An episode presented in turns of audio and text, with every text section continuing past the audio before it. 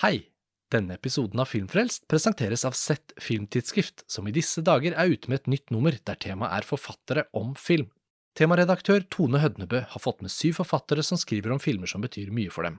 Gunhild Øyehaug skriver for eksempel om Tarkovskijs Speil, som hun har sett 19 ganger, og Roska Koritsinski skriver om Agnieszka Hollands Den hemmelige hagen. Bestill nummeret på settnett.com og les det fra perm til perm.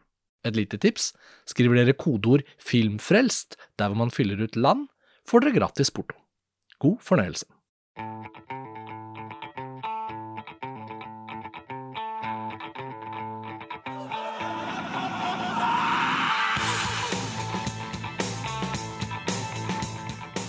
Hei og velkommen til en ny episode av Filmfrelst, podkasten fra filmtidsskriftet montasj.no. Mitt navn er Karsten Meinick, og jeg vil ønske dere velkommen til en slags spesialepisode av Filmfrelst, hvor vi sitter her sammen eh, i Østfold med Lars Ole Kristiansen. Hei, Karsten. Hei, Lars Ole, det er jo ikke noen overraskelse. Og vår gjest, får vi si, for anledningen, Erik Vågnes. Hei, hei. Hei, Erik. Og du har jo vært med på mange Filmfrelst-episoder, men denne helgen, denne høsten i 2021, så er du her på besøk i Østfold på workshop, og vi har en forjettet podkast vi skal lage, som på en måte har ulmet litt sånn i det stille eh, det siste året. Og når jeg sier spesialepisode, så er det ikke fordi det er så spesielt. Dette er jo ikke en podkast som kommer til å skille seg så voldsomt fra ting vi gjør av og til. men Lars Ole, ved siden av å ha redaksjonelle planer for montasje og ting vi skal gjøre på Filmfrelst, så er vi jo også bare folk som elsker film i vårt daglige, i vår, våre hobbyliv, får vi si. Og Erik, du og Lars Ole og jeg har jo hatt en sånn løpende kommunikasjon sånn utenom det å planlegge for ting som skal gjøres på montasje, rett og slett om filmer vi er glad i, og filmskapere fra filmhistorien som vi kanskje har mer eller mindre kjennskap til. Og så deler vi tips med hverandre og sånn. Og dette foregår jo litt sånn off the record. Og i fjor så var det på en måte kanskje skal vi si, en forløsende visning som satte i gang et sånt uh, type prosjekt. Jeg vet ikke hvem av oss som så denne The Heiress uh, først, men jeg forbinder det veldig med at i hvert fall jeg fikk den Criterion-utgivelsen av The Heiress av William Wyler, som denne todelte podkasten skal handle om. Og så oppsto det liksom en sånn, sånn inspirasjon hos alle oss tre til å se litt Wiler. Ja, altså jeg husker at jeg var god til å plukke opp anbefalingen. Og det er jo ikke alltid man er det, fordi man er sauset inn i sine egne prosjekter, og plutselig så er man langt inne i noe italiensk giallo-film. Og det å sette seg ned og plutselig se en William Wiler-film blir noe man setter på vent.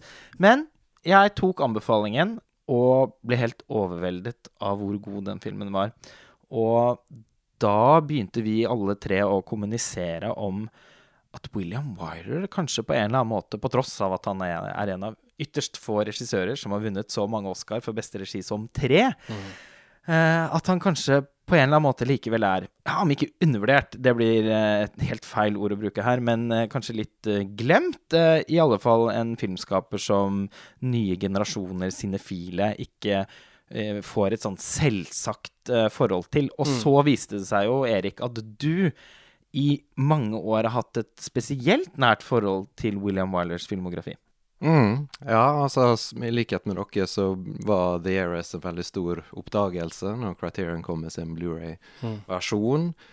Og det er klart, Wiler Wyler er sånn som er glidd litt under radaren. Um, Vet ikke om det er pga. Uh, ulike moter som er autørteorien og sånn, så er Wyler kanskje ikke utpekt seg som en sånn uh, veldig tydelige trekk. Det er jo kommet fram i i også biografien hans, at han eh, ble kritisert på 60-tallet med at han ikke hadde så veldig tydelige trekk. Han var sånn som var en liten sånn kameleon som uh, eh, endra seg litt, tok på seg ulike prosjekt. Uh, ikke sånne fancy kamerakjøringer som Hitchcock, eller sånn veldig tydelig sånn uh, signatur egentlig. Men når du begynner å se på filmene, så ser du at det likevel er utrolig mye bra. Og kanskje er det med Wyler sin store styrke at han ikke er Det er ikke så lett å liksom plukke i klisjeer når det gjelder filmspråk. Han er veldig subtil, mm. kompleks, og det er det som er så spennende å gjenoppdage det. Når du begynner å se filmene hans, og kanskje se dem to-tre ganger, ta gjensyn med dem, at du, du finner utrolig mye spennende i filmografien. Ja, og etter hvert som jeg begynte å se noen uh, Wiley-filmer til som jeg ikke var kjent med fra før av, så begynte jeg å tenke at dette er jo en filmskaper som eh, burde snarere settes i sammenheng med John Ford eller Orson Wells, eh, snarere enn f.eks. John Houston, eller eh, filmskapere som f.eks. Carrière de Cinema av og til i alle fall kunne være kritiske til at de ikke hadde tydelig nok eh, kunstnerisk signatur, mm. eh, uavhengig av enkeltfilmenes kvalitet. Mm. Og som dere da sikkert skjønner, så vil jo da dette bli en podkast om William Wyler. Og nå forklarte vi jo litt hvor det kom fra. Det var ikke egentlig planlagt, men som sagt så oppsto det litt sånn i dialog med hverandre, oss tre imellom, en inspirasjon til å faktisk da gå Wyler litt tettere etter i sømmene og kjenne liksom OK, jeg f.eks. hadde noen voldsomt store hull. Altså det aller største filmhistoriske hullet jeg tror jeg har hatt da etter at du har tettet noen andre store, det har vært Ben Hur. Ikke sant? Wylers Ben Hur, som, som, jo er kjent som en av de store Oscar-vinnerne gjennom historien. Utrolig berømt filmhistorisk film. Så jeg kjente liksom OK, men hvis dette nå skjer, nå skjer det litt med Wyler, oss tre imellom. Vi, får, vi, inspirerer hverandre til å plukke i hvert fall noen filmer fra filmografien man ikke har sett før i det hele tatt, og kanskje ta noen gjensyn med de man har sett fra lenger tilbake i tid. Og for meg ble det litt sånn, ja, om dette bare leder til at jeg får sett Ben Hur, så er det verdt det.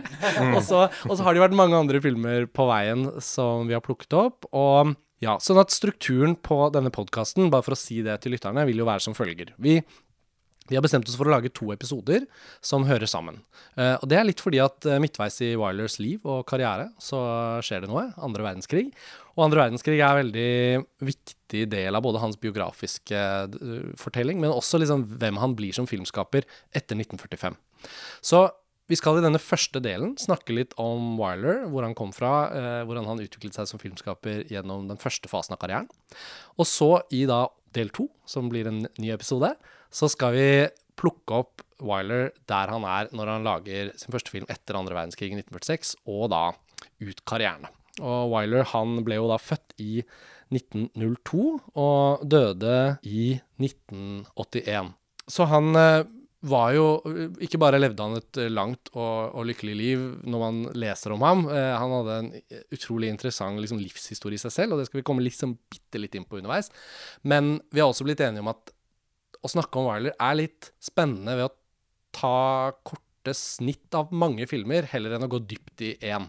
Så underveis så har vi ikke liksom tenkt å forplikte oss til sånne kjempegrundige analyser av hver enkelt film. Prøve å lage noen sånne tråder gjennom å snakke oss uh, gjennom de vi har sett. da. Og så er det noen vi ikke har sett. Så vi har jo fortsatt Wyler-prosjektet gående, Erik. Jeg tenkte litt på dette med starten av karrieren hans i forhold til hvor vi skulle starte. Og jeg har jo tatt litt ansvar for å uh, fortelle biografisk hvor han kommer fra og hvor han skal. men det er ganske mye film han lager på 20-tallet i stumfilmepoken som vi ikke nå kommer til å snakke om. Mange av dem uh, fins ikke tilgjengelig å se.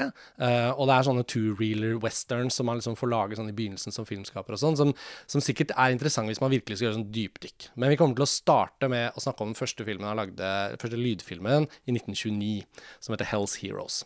Men før vi starter med den, så kan vi jo si litt om hvor han kommer fra. For han er jo en av de regissørene som er født i Europa, og som da emigrerer til Amerika for å jobbe i Hollywood. Og det er litt sånn rørende med bakhistorien til Wyler, fordi den plukkes jo opp igjen under andre verdenskrig, og det skal vi komme tilbake til. Men han har jo en sånn utrolig dramatisk, men selvfølgelig vakker livshistorie òg, for han opplever så utrolig mye av det som er dramatisk på 1900-tallet. Ikke minst at han blir en så sentral filmskaper i den nye kunstformen film. Og han eh, han vokser opp i Mulhouse i Frankrike, i en jødisk familie som har en liten eh, familiebedrift. Og han, eh, han, kommer til Amerika som en ung mann i 1920 etter at morens fetter, Carl Lemmel, er grunnleggeren og sjefen for Universal Studios. Og da har jo så vidt filmindustrien i Hollywood blitt etablert. Helt tidlig i filmhistorien, uten å ta noen store strekk over det, så skjer det jo ting eh, åpenbart i Frankrike med Lumière-brødrene, og så Thomas Edison i Amerika. Altså, på et eller annet tidspunkt der så skjer det noe som gjør at Hollywood blir Eh, stedet hvor det lages film i Amerika, under uh, solen i California. Og, De optimale lysforholdene nettopp, og flukten fra Edisons patenter. Nettopp. Så det, det, er så mange sånne rørende sånne trekk der. Og, og Wyler er bare en ung fyr, en 18-19 år gammel gutt fra Frankrike. Jødisk gutt som drar til sin mors fetter, som er sjef for Universal Studios, og får på en måte beskjed her kan du komme og jobbe. Og det er faktisk litt premisset. Og så, uh, i korte trekk, så jobber han som assistent i Universal. Han får lage etter hvert noen av disse two-reelerne, da, westernfilmer, og viser etter hvert et skikkelig håndlag med det å lage film og gjøre litt stunts, og er liksom involvert i mange deler av det å, å, å lage disse kjappe produksjonene. Og da på 20-tallet under stumfilmperioden, sånn som Universal holdt på, så var det jo litt sånn masseproduksjon. At det ble kjørt ut filmer i et eh, kjapt tempo. Og det ga Wyler en sånn start på karrieren som vi ofte mytologiserer rundt Ingmar Bergman, f.eks. Disse regissørene som fikk lage så mange filmer før de lagde noe bra. Eh, og, det, og særlig moderne unge filmskapere som liksom må lykkes med debuten med en gang i vår tid, ser jo ofte lakonisk tilbake på liksom sånne, sånne karrierer og leser om Wyler eller Bergman og tenker Men de lagde jo sånn 20-30 forskjellige filmer før de Wyler, da, i hvert fall, hvis vi inkluderer alle kortfilmene. Mens Bergman, jeg vet ikke hvor mange spillefilmer han lagde før. Nei da, men ganske mange før det virkelig ble en eller annen form for suksess, i alle fall. Ja, nettopp. Så min korte oppsummering av Wilders start er i hvert fall dette, at han får den derre perfekte filmskolen på Universal Studios i, i, en helt ny kunstform som på en måte ingen vet helt hvor det skal, skal gå hen. Og det om vi hadde vært super, super grundige, og dette hadde vært et mye mer sånn prosjekt hvor man skal være kompletist, så hadde vi kunnet snakke kanskje om en og annen av de filmene som man kan oppdrive. Men um, det morsomme med at vi gjør denne Wiley-podkasten, er jo litt at dette var ikke egentlig planlagt redaksjonelt innhold, og vi har liksom egentlig bare gjort det av glede å se Wiley-filmer. Og så føltes det ut som vi alle tre har på en måte hatt så sansen for å bli bedre kjent med Wyler at det må på en måte manifestere seg i noe, da. Så da sitter vi her og, og, og skal snakke oss gjennom det, og jeg vet ikke, da tenker jeg liksom Hells Heroes er stedet å starte, da. Eh, Erik, eh, hva, slags film eh, er dette? Det er jo så vidt funnet opp lydfilm. 1929.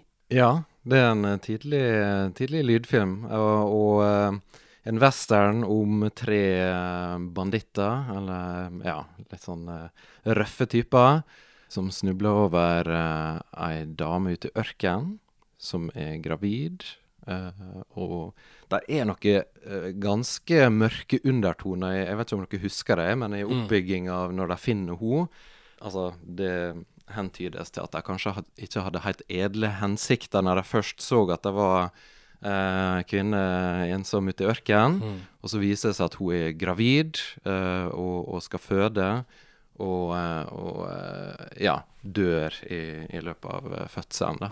Og da må de klare å berge det, det barnet. Og det var jo også en historie som John Ford seinere filmatiserte i Three Godfathers mm. eh, på slutten av 40-tallet. Men jeg syns faktisk Wyler har en eh, spissere og mer komprimert og røffere versjon av den, så jeg syns var faktisk eh, mer interessant å se enn en John Fords. Mm. Overraskende røff. Eh, altså mm. Og virtuos. Eh, her er det snakk om en filmskaper som åpenbart fortsatt er såpass uh, lærd innenfor stumfilmens uh, grammatikk at han mm. vet å visualisere så mye av fortellingen som mulig. Filmen begynner, i likhet med en del andre Wilder-filmer, med et ganske sånn imponerende tracking shot. Og uh, er litt sånn rå og mørk og ikke sjangertilpasset på en måte som litt sånn åpenbart skal eh, begeistre et stort eh, publikum. Det imponerte meg med filmen at den var såpass kompromissløs. Og man kan si at utgangspunktet har noe litt sånn teatralt ved seg. Innmari eh, artig premiss for en, eh, for en historie. Eh, men Eh, samtidig så er det jo også litt nærmest et kammerspill, selv om, den, ut, selv om, fortellingen utspiller seg i på en måte dramatiske omgivelser ute i ørkenen. Og, mm. eh, og ja, det er noen scener med en saloon og så videre. Men jeg opplevde at, at filmen tross alt også eh, har noen Er ganske sånn forankret i en eh, teateraktig dramaturgi, i hvert fall. Men det er veldig mye spennende. altså Jeg ble veldig overraska over hvor dynamisk kamera og klipping egentlig er i den filmen. Eh, I begynnelsen med det ranet og den flukten og måten kameraet beveger seg på. Også når de finner hun dama med skygger. Eh, veldig bra bruk av skygger. Veldig sånn Uh, ikke sånn uh, håper å si uh, sterilt kameraarbeid, men veldig sånn energisk, egentlig. Så er det vel faktisk også en sånn førkodefilm. Det kan også bidra til at den oppleves såpass røff, da. Ja. Og et annet bilde i filmen som også er sånn Oi, det er liksom litt sånn ordentlig. Det er det bildet av den babyen. Mm. Jeg vet ikke om dere tenkte på det, men det var sånn Det var en ekte baby. Mm. Jeg tenker sånn Det er 1929, liksom. Så jeg tenker sånn man forbinder jo det med at filmer som bruker liksom en dukke dukke til å være baby, liksom, det forbinder man litt med liksom, Ja, men sånn gjorde de i de gamle dager. Men sånn Wilders Hale Zeros er en ekte baby, da. Helt sånn nyfødt. Og den, det looket på den babyen husker jeg bare sånn oh. Ja. Um, Det var og ikke da- som den digitale babyen i American Sniper. Til Eller den dukken i Annette til Leos Carax. Men Og så gjør er det litt så skummelt når du ser disse her eh, ganske røffe typene Ja. skal håndtere denne babyen, da. Ja. Og hvordan de holder den, og du, du kjenner liksom i pappahjertet Og så er det jo litt sånn rørende også at denne filmen er med på å sette egentlig en sånn rød tråd som går gjennom hele Wilers filmografi og liv, om en sånn form for en interesse for å stille seg moralsk, ha en ryggrad i møte med en situasjon, eller dilemma. Om det så koster ditt eget liv, så er det sånn Hva er jeg villig til å ofre? Hva er, hva, er hva er det som blir fortalt meg med dette øyeblikket som gjør at jeg må ta et viktig valg? Og disse skikkelig råtne forbryterne blir jo mennesker i møte med denne babyen. For da er det jo nettopp sånn at hva gjør vi? Vi er også her ute i ørkenen hvor det er nådeløse værforhold, på en måte. Vi trenger vann. Babyen trenger melk. Hva gjør vi? Altså, det, det var, jeg syns det var en skikkelig god film. Og jeg tenkte, mm, og det var jo også et Nasrallah-øyeblikk at vi var i gang med eh, Wiler-dialogen vår. Og så viste det seg at Hell Zeros akkurat da var kuratert av The Criterion Channel. Så den var jo faktisk tilgjengelig å se der, da, på eh, Criterion eh, sin strømmetjeneste. Og jeg fant ut i etterkant at den også fins Den er utgitt på en DVD og sånn. Så for de av lytterne som blir nysgjerrige, så dette er en film det, det går an å se. Man må kanskje lete litt. Ja, den er nok ikke på Criterion Channel akkurat nå, men kanskje den kommer tilbake en gang. Så ja, det var veldig sånn oppløftende å se at det var mulig å få plukket en sånn skikkelig tidlig Wiley for å se hvor lå nivået allerede da. Ja, og så kan man eh, spore, ikke sant, eh, en sånn dyp humanisme her. Nettopp det at disse i utgangspunktet så eh, umoralske menneskene eh, satt opp mot en situasjon eh, som er så akutt, eh, og som man Som, som etter hvert menneske laget av kjøtt og blod og med et snev av sjel vil eh, reagere emosjonelt på faktisk evner å finne tilbake til bedre sider av seg selv. Da. Og det er også noe man ser i en uh, Wyler-film som f.eks. Dead End, som vi snart kommer tilbake til. Ja, og nå som vi har snakket om Hell Zero, så tenker jeg det er naturlig å da ta et steg videre i filmografien hans til noen av de neste filmene vi har sett. Og da er det for så vidt et lite opphold. Disse filmene som var lagde for Universal på tidlig på 30-tallet. Noen av dem fins. Eh, vi har ikke fått sett noen av disse filmene, og selv om de har en plass i Wilers filmografi som av og til trekkes fram, så 'Counselor at Law' med John Barrymore fra 1933, eh, og denne These Three som han gjør med Samuel Goldwyn, som blir en veldig viktig samarbeidspartner, produsenten Samuel Goldwyn, den er også en viktig del av hans filmografi. Vi har ikke sett den, men han lager da den filmen om igjen. Uh, Wyler remaker denne uh, These Three, som er basert på et skuespill av Lillian Hellman, i 1962 som The Children's Hour. Og den kommer vi tilbake til i del to av denne Wyler-episoden. Så det vi har blitt litt enige om, er å hoppe inn igjen i Wylers filmografi der på andre halvdel av 30-tallet, hvor han samarbeider med Samuel Goldwyn. Og der er det en sånn perlerad av uh, filmer. Og vi kan jo liksom hoppe litt og gli litt frem og tilbake mellom dem. Alle tre har ikke sett alle filmene, men kort oppsummert så lager han jo da uh, Dodsworth i 1936. Han lager uh, Jezebel. Uh, han lager etter hvert eh, Wuthering Heights. Han lager uh, Little Foxes. Uh, og eh, i den perioden fra 1936 til 1942 så er liksom den første store gullalderen til Wyler. Da. Og med Mrs. Miniver i 1942 så vinner han jo da sin første Oscar for beste regi. Og du nevnte jo Lars Ole at han vinner den prisen tre ganger. Så, og det kommer vi jo selvfølgelig inn på igjen. Da. Men her i denne perioden, og Dead End som du nevner, er jo viktig med, med Humphrey Bogart, så, så blir liksom Wyler en virkelig anerkjent filmskaper i Hollywood. Og det er nok mange som mener og skriver om dette da i Wiler-biografiene og i essays som er eh, skrevet om ham, at det samarbeidet med Samuel Goldwyn ble spesielt viktig fordi det var en sånn sjelden litt sånn uavhengig eh, duo i, i et Hollywood som var veldig studiostyrt og sånt, så det var jo på en måte ikke noe det var ikke noe sånn at han hadde en kontrakt her eller der som gjorde at han Etter Universal, og han begynte med Samuel Goldwyn, så skjedde det noe. Og jeg tror også Goldwyn må tilskrives en veldig god smak i forhold til å tilegne seg rettigheter til bøker, skuespill, ting som ble adaptert. Det er mange adaptasjoner av fortellinger fra andre medier i Wilers filmografi. Men han viser seg jo ganske raskt som en utrolig dyktig Uh, filmatiserer, skal vi si det sånn, Uh, adaptør. Han finner liksom den filmiske veien, og ved siden av det jeg har nevnt nå, så er det også her han begynner å samarbeide med filmfotografen Greg Tolan, som jo har vært mest kjent filmhistorisk for sitt samarbeid med Orson Wells på Citizen Kane, og dette dypfokus-fotoet som han har fått så mye anerkjennelse for. Og det blir jo etablert i samarbeid med Wilder. Så jeg vet ikke hvilken av disse filmene vi kan starte med, men um, altså vi har Dead End, har vi nevnt. Uh, Jezebel, Dodsworth um. Altså, denne Dodsworth uh, ja. Dette er en periode av Wilders filmografi som jeg fortsatt har til gode å bli kjent med, da. Men jeg leste et essay av Kenneth Lonergan der han skrev om Dodsworth på en måte som gjorde at jeg fikk innmari lyst til å se den filmen. Og jeg vet at begge dere to har, har mye å si om den. Så vi kan kanskje begynne der? Ja, vi kan gjerne starte med Dodsworth. Det er jo uh, en film som da er utgitt på Blu-ray av Warner Archives.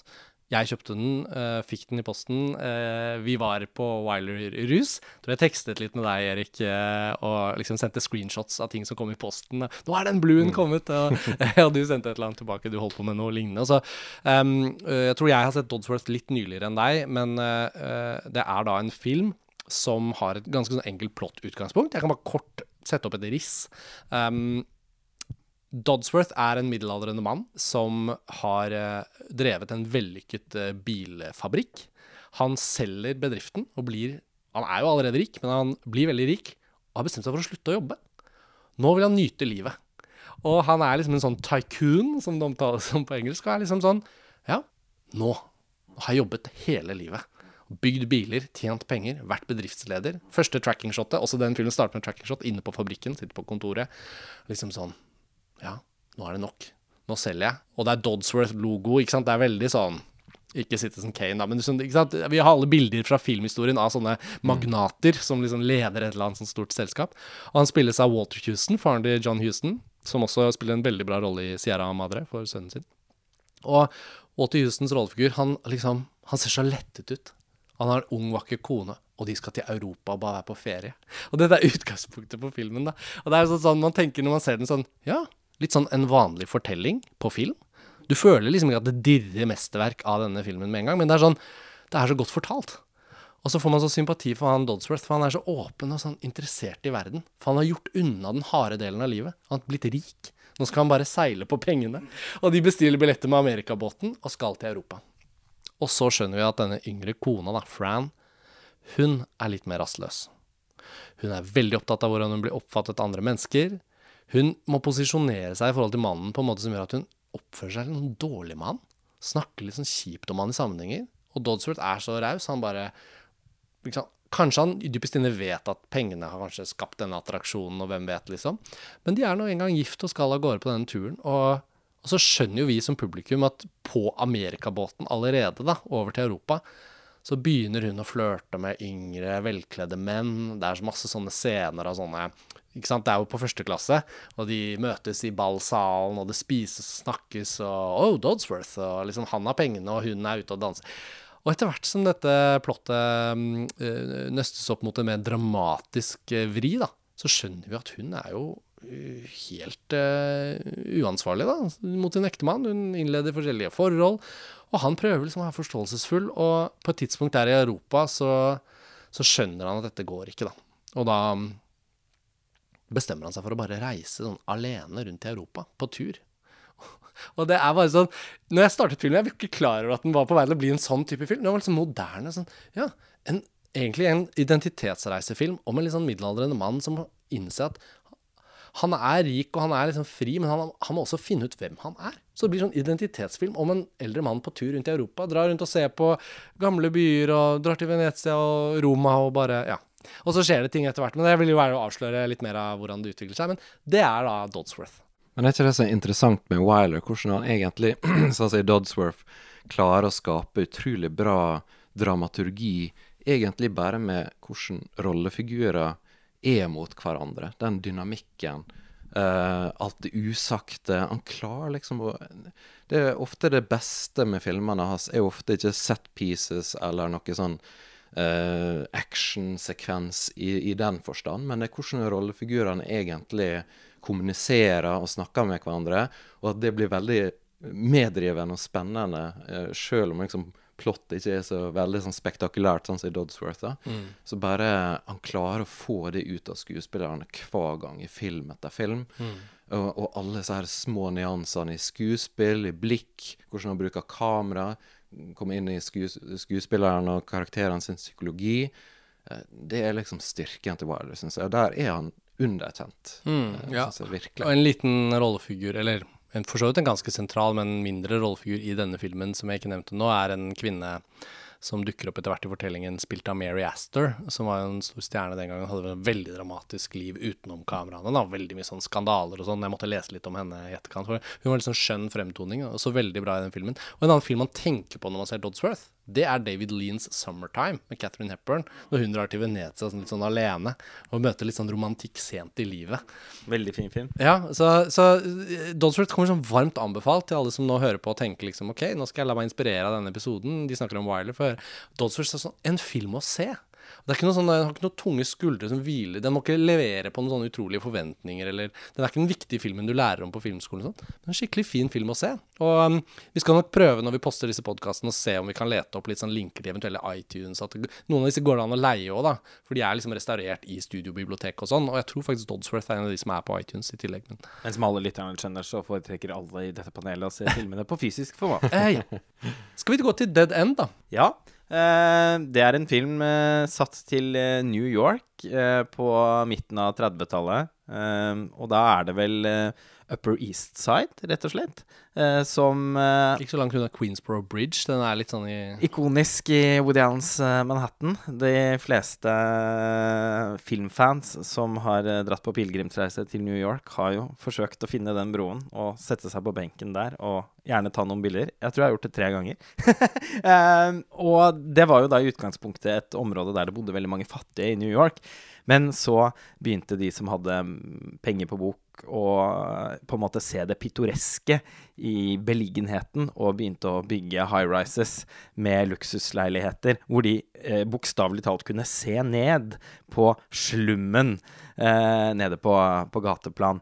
Og med en særdeles eh, virtuos, eh, lang kamera krankjøring. Også her tracking shot som kommer ned og liksom eh, og, og jeg tenkte akkurat da, da jeg så akkurat disse filmene litt sånn kronologisk, tenkte er det sånn at Wyler starter alle filmene med sånn virtuos tracking shot? Det viser seg at det blir ikke det etter hvert, da, men Nei. det er faktisk veldig mange av de på 30-tallet her. som- Ja, og dette er et, eh, en type kamerainnstilling som bare er mulig å gjøre i studio, vil jeg tro, på, på den tiden. Og vi er virkelig også i studio her, nesten som på en uh, teaterscene, egentlig. Og filmen er jo da også basert på et teaterstykke, så her skapes en slags parallell til det litt sånn teatrale som jeg sporet i den uh, Hells Heroes. Mm. Og hun eh, Lillian Hellman som, eh, som har skrevet den three, These Three, eh, som var den filmen han lagde før Dead End, hun var jo også på en måte dramatiker, da, men endte opp med å samarbeide med Wiley på flere av, filmene hans. Og så er det han Sidney Kingsley som har skrevet den, Dead Og, End. og det er også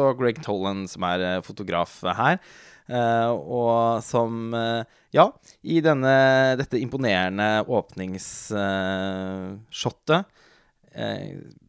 fører oss inn på det som blir filmens scene, som egentlig da er en, et lite en slags torg, eh, der det er noen ungdomsgjenger som henger og slenger dagen lang, eh, og som eh, driver med ulike former for spikk.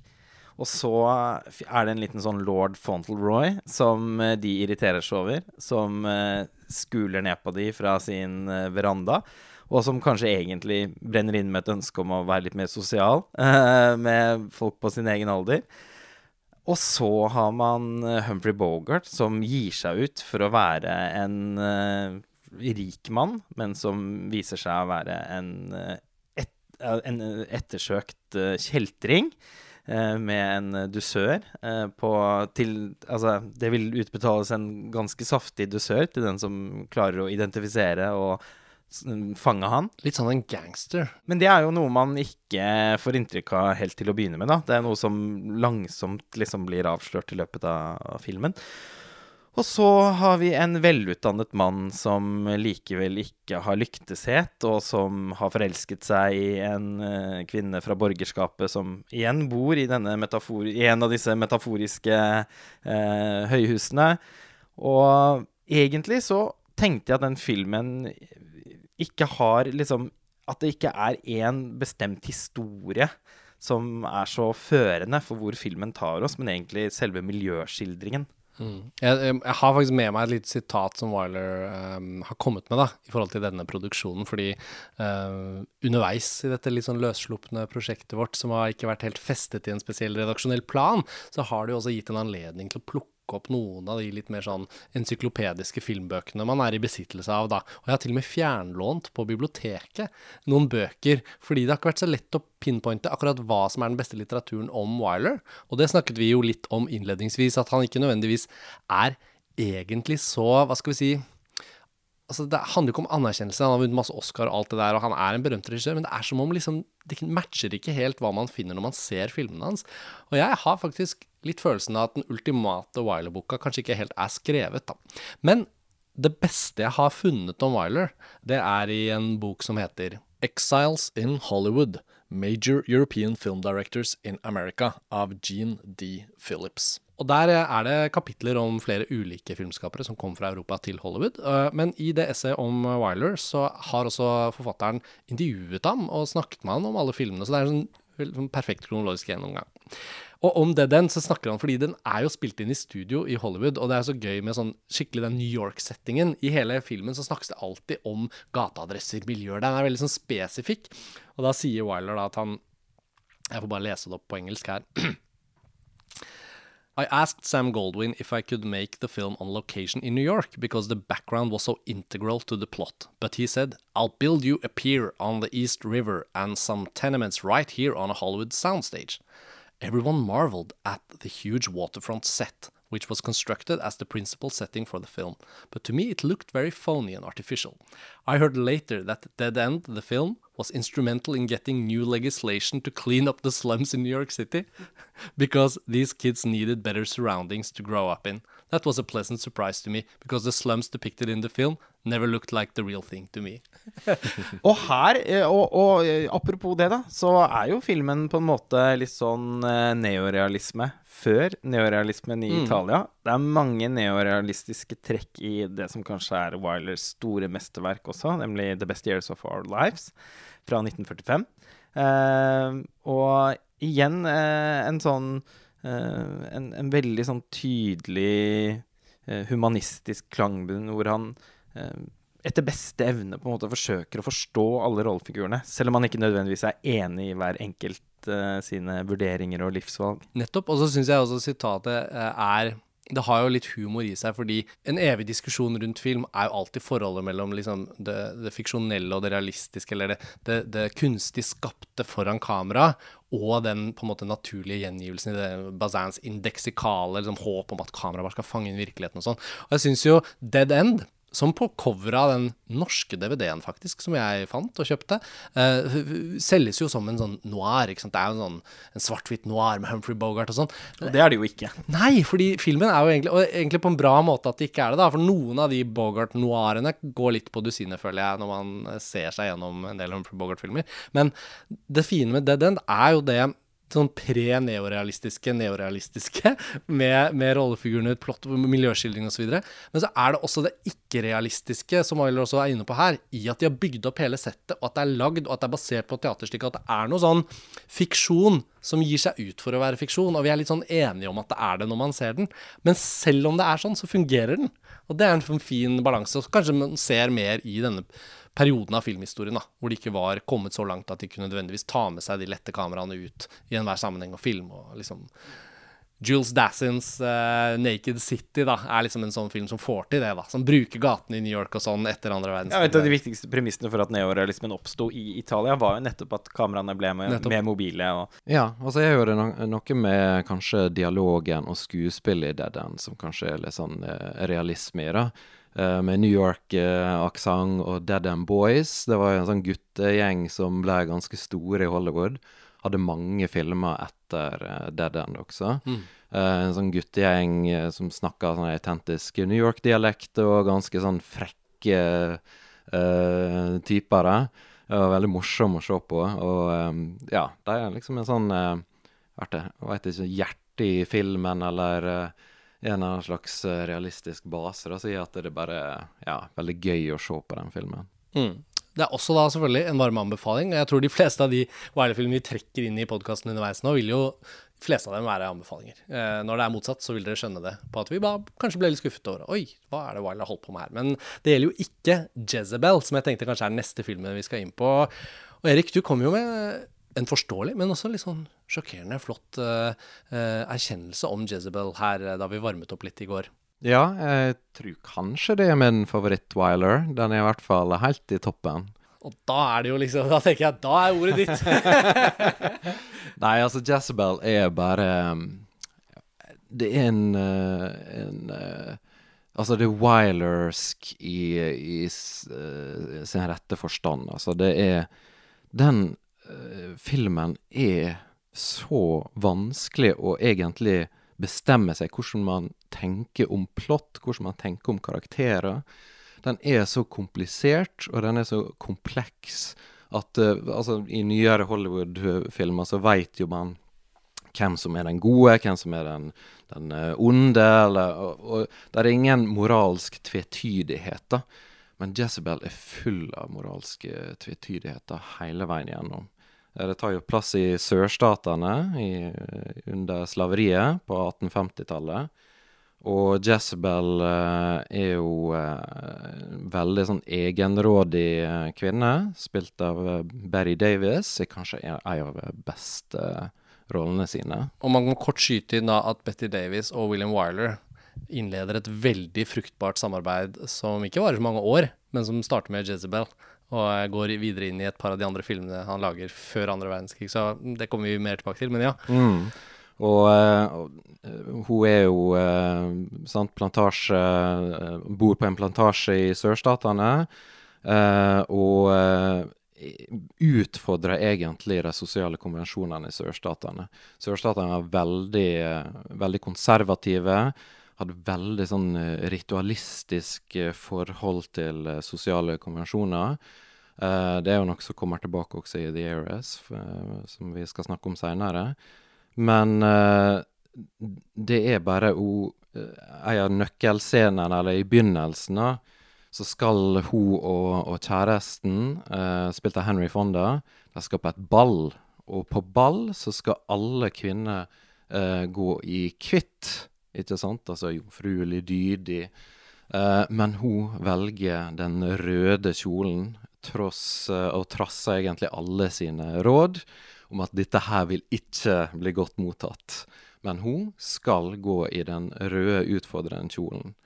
Og eh, der er en fantastisk ballsekvens der du ser at all, alle på dansegulvet bare flytter seg inn av det som er bølger som bare skyller gjennom uh, dansegulvet når Betty Davis og, og, Henry Fonda da kommer og, og, og, skal danse, og alle snur ryggen til. Og hun blir ydmyka. Og det er bare sånn innledning i hennes komplekse væremåte, da, hvordan hun utfordrer konvensjonene. Og så trekker også filmen inn slaveri på en veldig interessant måte. Uh, på mange måter kan man kritisere filmen fordi det mistenker meg litt at slaveriet ble spilt litt ned for at filmen også skulle selge godt i sørstatene. Men det som er så fantastisk med, med Wyler, at selv om det er liksom spillende OK, i, i, på en måte moderne Hollywood så ville man vist grusomhetene, ville ikke lagt lokk på noe. Det gir det i Jezebel, men Wyler har mange sånne subtile eh, omveltende. Altså måten han viser det på. Det kommer i små glimt. Mm. Men det er veldig tydelig at, uh, at det ligger en, en uh, beinhard kritikk av slaveriet. Mm. Men det, det, det, du må liksom eh, Det er ikke så veldig overtydelig, og derav også veldig kompleks. Da. Så det der, der, er en sånn parallell da med hennes måte å bryte kjønnskonvensjonene på. Blir straffa for det veldig hardt. Uh, men også på en måte å undersøke disse her uh, kulturelle normene i sørstatene, og hvordan slaveriet også er på en måte helt akseptert. Uh, Barry Davis sin karakter støtter slaveriet. sant? Så selv om du liksom heier litt på henne, og hun må bli fri, på en måte en sterk kvinne, så er hun også forkjemper for å forsvare slaveriet. Og den karakteren og den kompleksiteten, det er liksom en sånn eh, dissonans gjennom hele filmen. Du, du veit ikke helt hvor du står. Om du elsker henne og hater henne i neste øyeblikk, hun er manipulerende, men så er hun egentlig også er en veldig sår side ved seg.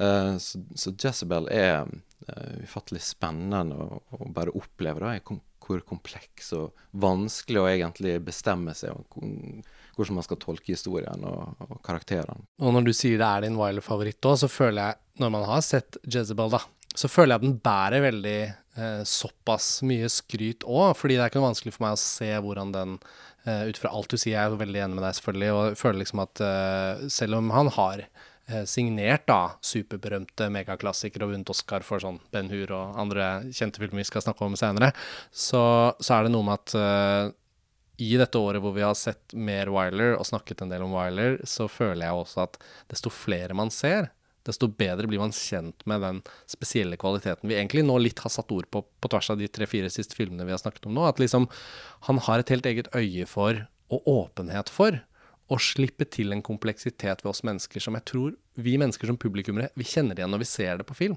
Det er ikke sånn at vi nødvendigvis ikke kan bry oss om det. Men de som sitter på pengesekker i et studio, eller litt sånt, den derre frykten for å provosere, eller frykten for å skape et ubehag hos publikum som gjør at de ikke tjener penger. Da. Det er også veldig noe vi sliter med i vår tid. Ja. Jeg syns jo det er noe som er interessant å oppleve på tvers av flere filmer i Wilders uh, øvre, at, at, eh, de snakker virkelig også til 2021. Da. Og Jezebel er en sånn type film den er laget i 1938, og den har jo selvfølgelig utidige ting som, som, ligger der. fordi i 1938, når de lagde en sånn film, så var det mye av det vi tenker på i dag, som ikke de trengte å tenke på. Men likevel så har den den sprengkraften du beskriver da, Erik. Og jeg syns det er virkelig en sånn film som jeg gleder meg til å se igjen. Eh, jeg har bare sett den den ene gangen nå. Jeg ikke hvilket, hvilken måned det var jeg så akkurat den, det kan jeg gå litt sånn i ball med, men det er bare noen måneder siden jeg så den. Og, og, og Betty Davis, som vi da nevnte, hun, hun er jo et ikon fra særlig den epoken av filmhistorien hvor hun gjør disse filmene her, og selvfølgelig frem til uh, All About Eve og, og sånn, men hun, um, hun, hun, gjør en sånn utrolig bruk av sitt fysiske vesen. Hun har noe sånn ulmende, litt sånn uhyggelig og ondt over seg Altså, det er jo bare våre fordommer hvordan vi leser inn hennes utseende. Men det virker som hun er så bevisst på det, hun vet hvordan hun skal bruke det. Hun skjønner mm. hvordan hun er et verktøy i form av sine øyne, uh, i form av liksom hele den. Men så er hun også vakker. Mm. Så hun har liksom sånn der kompleksitet i sin væren. Mm. Og det er matchen med Wyler som filmskaper og henne som filmskuespiller er kjempespennende i alle mm. disse, særlig de tre uh, hovedfilmene, da. Og så er det enda en grunn til at den er veldig aktuell, for den, det er også en pandemi som foregår i sørstatene. Stemmer, ja. Så det er også veldig spennende, og, man kan jo se at det er kontraster til liksom eh, den pandemien og den smitten, og hvordan sørstatene da uh, blir ramma. Uh, en grusom uh, Jeg vet ikke om det er sånn yellow fever eller Det er yellow fever, ja. I New Orleans er det vel. Og så er det sånn Det blir jo veldig viktig for plottet etter hvert, ja. hvordan de da skal forholde seg til denne smitten. Ja. Og gjestene til plantasjen, om de i større eller mindre grad kan være farlige og ønske velkommen, altså osv. ja. Ja, alle skuler mm. litt på hverandre. Mm. Og så er det også denne her berykta øya som alle de smitta blir sendt til, som er egentlig en dødsdom, ikke mm. Mm, mm, For å få smitten unna. Og også denne her parallellen mellom denne her smitten og, og sykdommen og døden over sørstatene, parallelt med liksom slaveriet og slaveriets endetid. Der er noen spennende paralleller der også. Så um, det er en uh, varm anbefaling for mm, meg, i hvert mm. fall. det er jo flere Wiler-filmer nå mellom noen av de vi nevner, men som sagt innledningsvis så var ikke målet her å ha en sånn komplettistisk gjennomgang. Det er ikke, det er ikke sånn at vi er et Wikipedia-oppslag i denne episoden om, om, Wiler, så vi skal hoppe litt. Men, men uh, jeg tenker lytterne skjønner mellom linjene her at det er verdt å, å gå litt sånn kronologisk til verks. da, Fordi det skjer også en utvikling i, hos Wiler som er morsom å følge med på. Interessant. Um, og her har vi jo to andre Betty Davis-filmer som vi kanskje bare kan nevne. Vi trenger ikke gå så veldig i dybden på dem, mm. men de er veldig gode, de òg. Den ene heter The Letter, og den andre er Little Foxes. Og av de to så tenker jeg kanskje at The Letter er den som er litt gøy å snakke om. da, For den er jo ikke en sånn uh, Little Foxes utspiller seg også i sørstatene, har mye til felles med Jezebel, mange av de samme kvalitetene. Uh, så den tenker jeg også bare klokkes inn som en uh, anbefaling. Spennende film. Betty Davis også on fire der. Men The Letter, det er liksom en litt annen fortelling. Ja, det er en sånn spennende miks. Altså, det er en slags uh, Det er en slags film noir, egentlig. men med uh, litt sånn uh, Hva skal jeg si, da? Nesten litt sånn uh, Ikke horror, men der er noe mytologisk, nesten, over, over den filmen. da. Spesielt hvordan han bruker månen og sånn til å liksom signalisere at det skal skje noe litt sånn dystert. Ja. Eller at Betty Davis sin karakter har da skutt en mann. Det skjer helt i begynnelsen. Det er- Utrolig åpningsscene Ja. på filmen. Eh, som starter med dette, disse skuddene som leder til at mennesker ligger død på trappen, og så er det sånn Hva har skjedd her? Og så på en måte får vi eh, fortellingen. da. Og Selve åpningsbildet kan man jo beskrive og bruke flere minutter på. men Kort fortalt så er det jo en av disse tracking-shotsene, da, nok en gang. Men vi er i Singapore. Vi er liksom i koloni, liksom, kolonimiljø. Det er noen gummiplantasje. Så i bildet fra månen så får vi disse arbeiderne som ligger og sover på sånne litt sånne køyesenger i en sånn åpen utebygning. Og så følger vi gjennom liksom buskaset, palmene, kameraet går vel liksom litt ned eh, fra en høyere posisjon, så glir det mot bygningen. Så hører vi disse pistolskuddene. Og så liksom denne mannen som liksom klamrer seg til rekkverket på vei ut, og, og faller til bakken. Og så kommer Betty Davis inn i bildet. Noe sånt. Ja, helt riktig. Og uh, det premisset er jo at hun har jo skutt han, det, det vet vi. Men hun hevder at uh, det var et slags selvforsvar, eller at han hadde på en måte angrep på hora. Mm. Og så er det da et brev som dukker opp litt seinere, som kanskje trekker i tvil eh, om hun egentlig hadde eh, rent mel i posen. da. At det egentlig var noe eh, Ja, at, at det kanskje var et drap. Ja, den er, noe, den er en krim. Den er en spenningsplott-oppsummeringsfilm. Det nøstes opp ting som egentlig er ganske spennende å følge med. Det er ikke egentlig en sånn typisk kvalitet ved noen av de andre vi har vært innom nå, for der er det andre mer komplekse ting som ligger til grunn. Så mm. de tre Betty Davis Wyler-filmene er jo da veldig underholdende, veldig bra, og ulike nok til å være liksom en skikkelig sånn en, en triple feature, en helg, å ta seg. Jeg tror faktisk alle de tre da også er ganske lett tilgjengelige. Og så tror jeg også når det gjelder Betty Davis, at det, det som er så spennende med de filmene, er at plotta er så veldig avhengig av å forstå hovedkarakteren og hennes sin eh, motivasjon, og at man da begynner å leite etter uh, fakta i ansikt for å egentlig forstå om hun er uskyldig eller skyldig. altså uh, Man kan gå så langt inn i liksom rolleprestasjon og skuespillerprestasjon at det, det gir en, en, en dybde i de filmene som jeg syns er litt sånn uh, Ja, man har egentlig ikke sett sin like i, i Hollywood-æraen, egentlig. Og som vi varslet innledningsvis, så er jo dette da del én av vår todelte Wilder-podkast. Og nå er vi jo da egentlig ved slutten av denne første delen. Fordi det som skjer da i filmografien hans, er jo at eh, Betty Davis-samarbeidet glir over i 1941 med Little Foxes, og da har jo da andre verdenskrig brutt ut i Europa. Og som dere husker fra biografiske bakgrunnsdetaljene om Wyler, så kommer jo han fra en liten by i Frankrike, Moulouse, eh, Og han eh, er av en jødisk familie. Og um, han tar på seg å lage en film i 1942 som heter Mrs. Miniver. Uh, en typisk uh, spillefilm. Uh, helt vanlig film, kan man si. Men det er også en film som preges av at den er laget med hensyn til publikums oppfatning av frontene i andre verdenskrig. Og underforstått kan den da oppleves som en propagandafilm, til dels. Ja, du ser kanskje i Mrs. Miniver at her begynner han å bryte sine egne prinsipp med å være litt sånn kompleks og tvetydig. Det er veldig tydelig hva han vil med Mrs. Miniver, og det er på en måte å bygge opp under de allierte, og, og på en måte en veldig sånn ensidig portrettering av eh, eh, tyskere og nazister, ikke Ja. sant, som ikke bare litt onde, men sånn tvers igjennom onde uten tvil. Ja, og her er det, her er det istedenfor å gjenfortelle alt, så vil jeg bare henvise lytterne til å kanskje lese i detalj om tilblivelseshistorien rundt Mrs. Miniver som prosjekt, for det er mange ulike detaljer. Wyler selv er skeptisk til om det lar seg gjøre dramatisk å ha en eh, nazistisk karakter, altså en tysk eh, pilot som faller ned i London, og som da kryper inn i hagen til Mrs. Miniver der, og, og er veldig endimensjonalt überond. Og så under eh, etterarbeidet da, så, så skjer jo Pearl Harbor.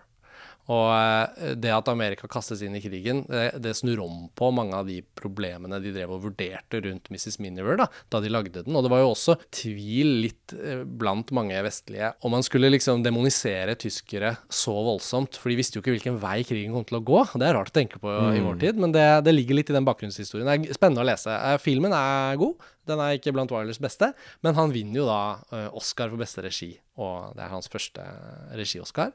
Den gjør han ikke med Samuel Goldwyn. Uh, og så verver han seg i den amerikanske hæren. Og uh, Wilers krigsinnsats er dokumentert i serien Five Came Back på Netflix, som vi også har uh, smakt på i denne fasen. Og det er også en anbefaling. Alle lyttere. Det er en tre episoders dokumentarserie. Uh, Voiceover av Meryl Streep. Intervjuobjektene teller Steven Spielberg, Guillermo del Toro og Lawrence Castan, altså store filmskapere som da gjenforteller krigsinnsatsen til John Ford, John Houston, George Stevens, Frank Capra og William Wyler. Og Wylers fortelling leder da også til at han lager denne eh, propagandafilmen for det amerikanske forsvaret, Memphis Bell, om disse bombeflyene. Og i løpet av krigsinnsatsen sin så er Wyler oppe i et Thunderbolt jagerfly, hvor han kommer ned etter et tokt og innser at han har uh, mistet tørselen. For det har vært så mye støy oppi det flyet. Og da blir han utskrevet, eller han blir dimittert som soldat og sendes hjem. Og kommer hjem til Amerika døv. Det viser seg ikke helt døv, da. Han får noe av hørselen tilbake på det ene øret. Og der får vi da liksom en kapittelslutt eh, i Wilders eh, filmografi. For det som skjer med han, krigsinnsatsen eh, og erfaringene. Han tar også en sånn roadtrip i Europa under krigen, tilbake til Mulhouse, hvor familien hans eh, holdt til. Der er det helt tomt. Altså Nazistenes holocaust har jo bare rasket med seg alle jødene fra den byen. Det er en voldsom eh, sorg i Wilders liv, og det preger ham. Og det tar oss da over i andre del av hans eh, filmografi, som vi skal snakke om i neste episode. Så det er litt sånn to be continued-stemning her. Den, The Memphis Bell den er jo da også tilgjengelig på Netflix Nettopp. som en slags appendix Nettopp. til uh, den uh, serien, og mm. er i og for seg også utgitt på DVD. Jeg har den på fysisk format her. Det er en veldig fascinerende film. da.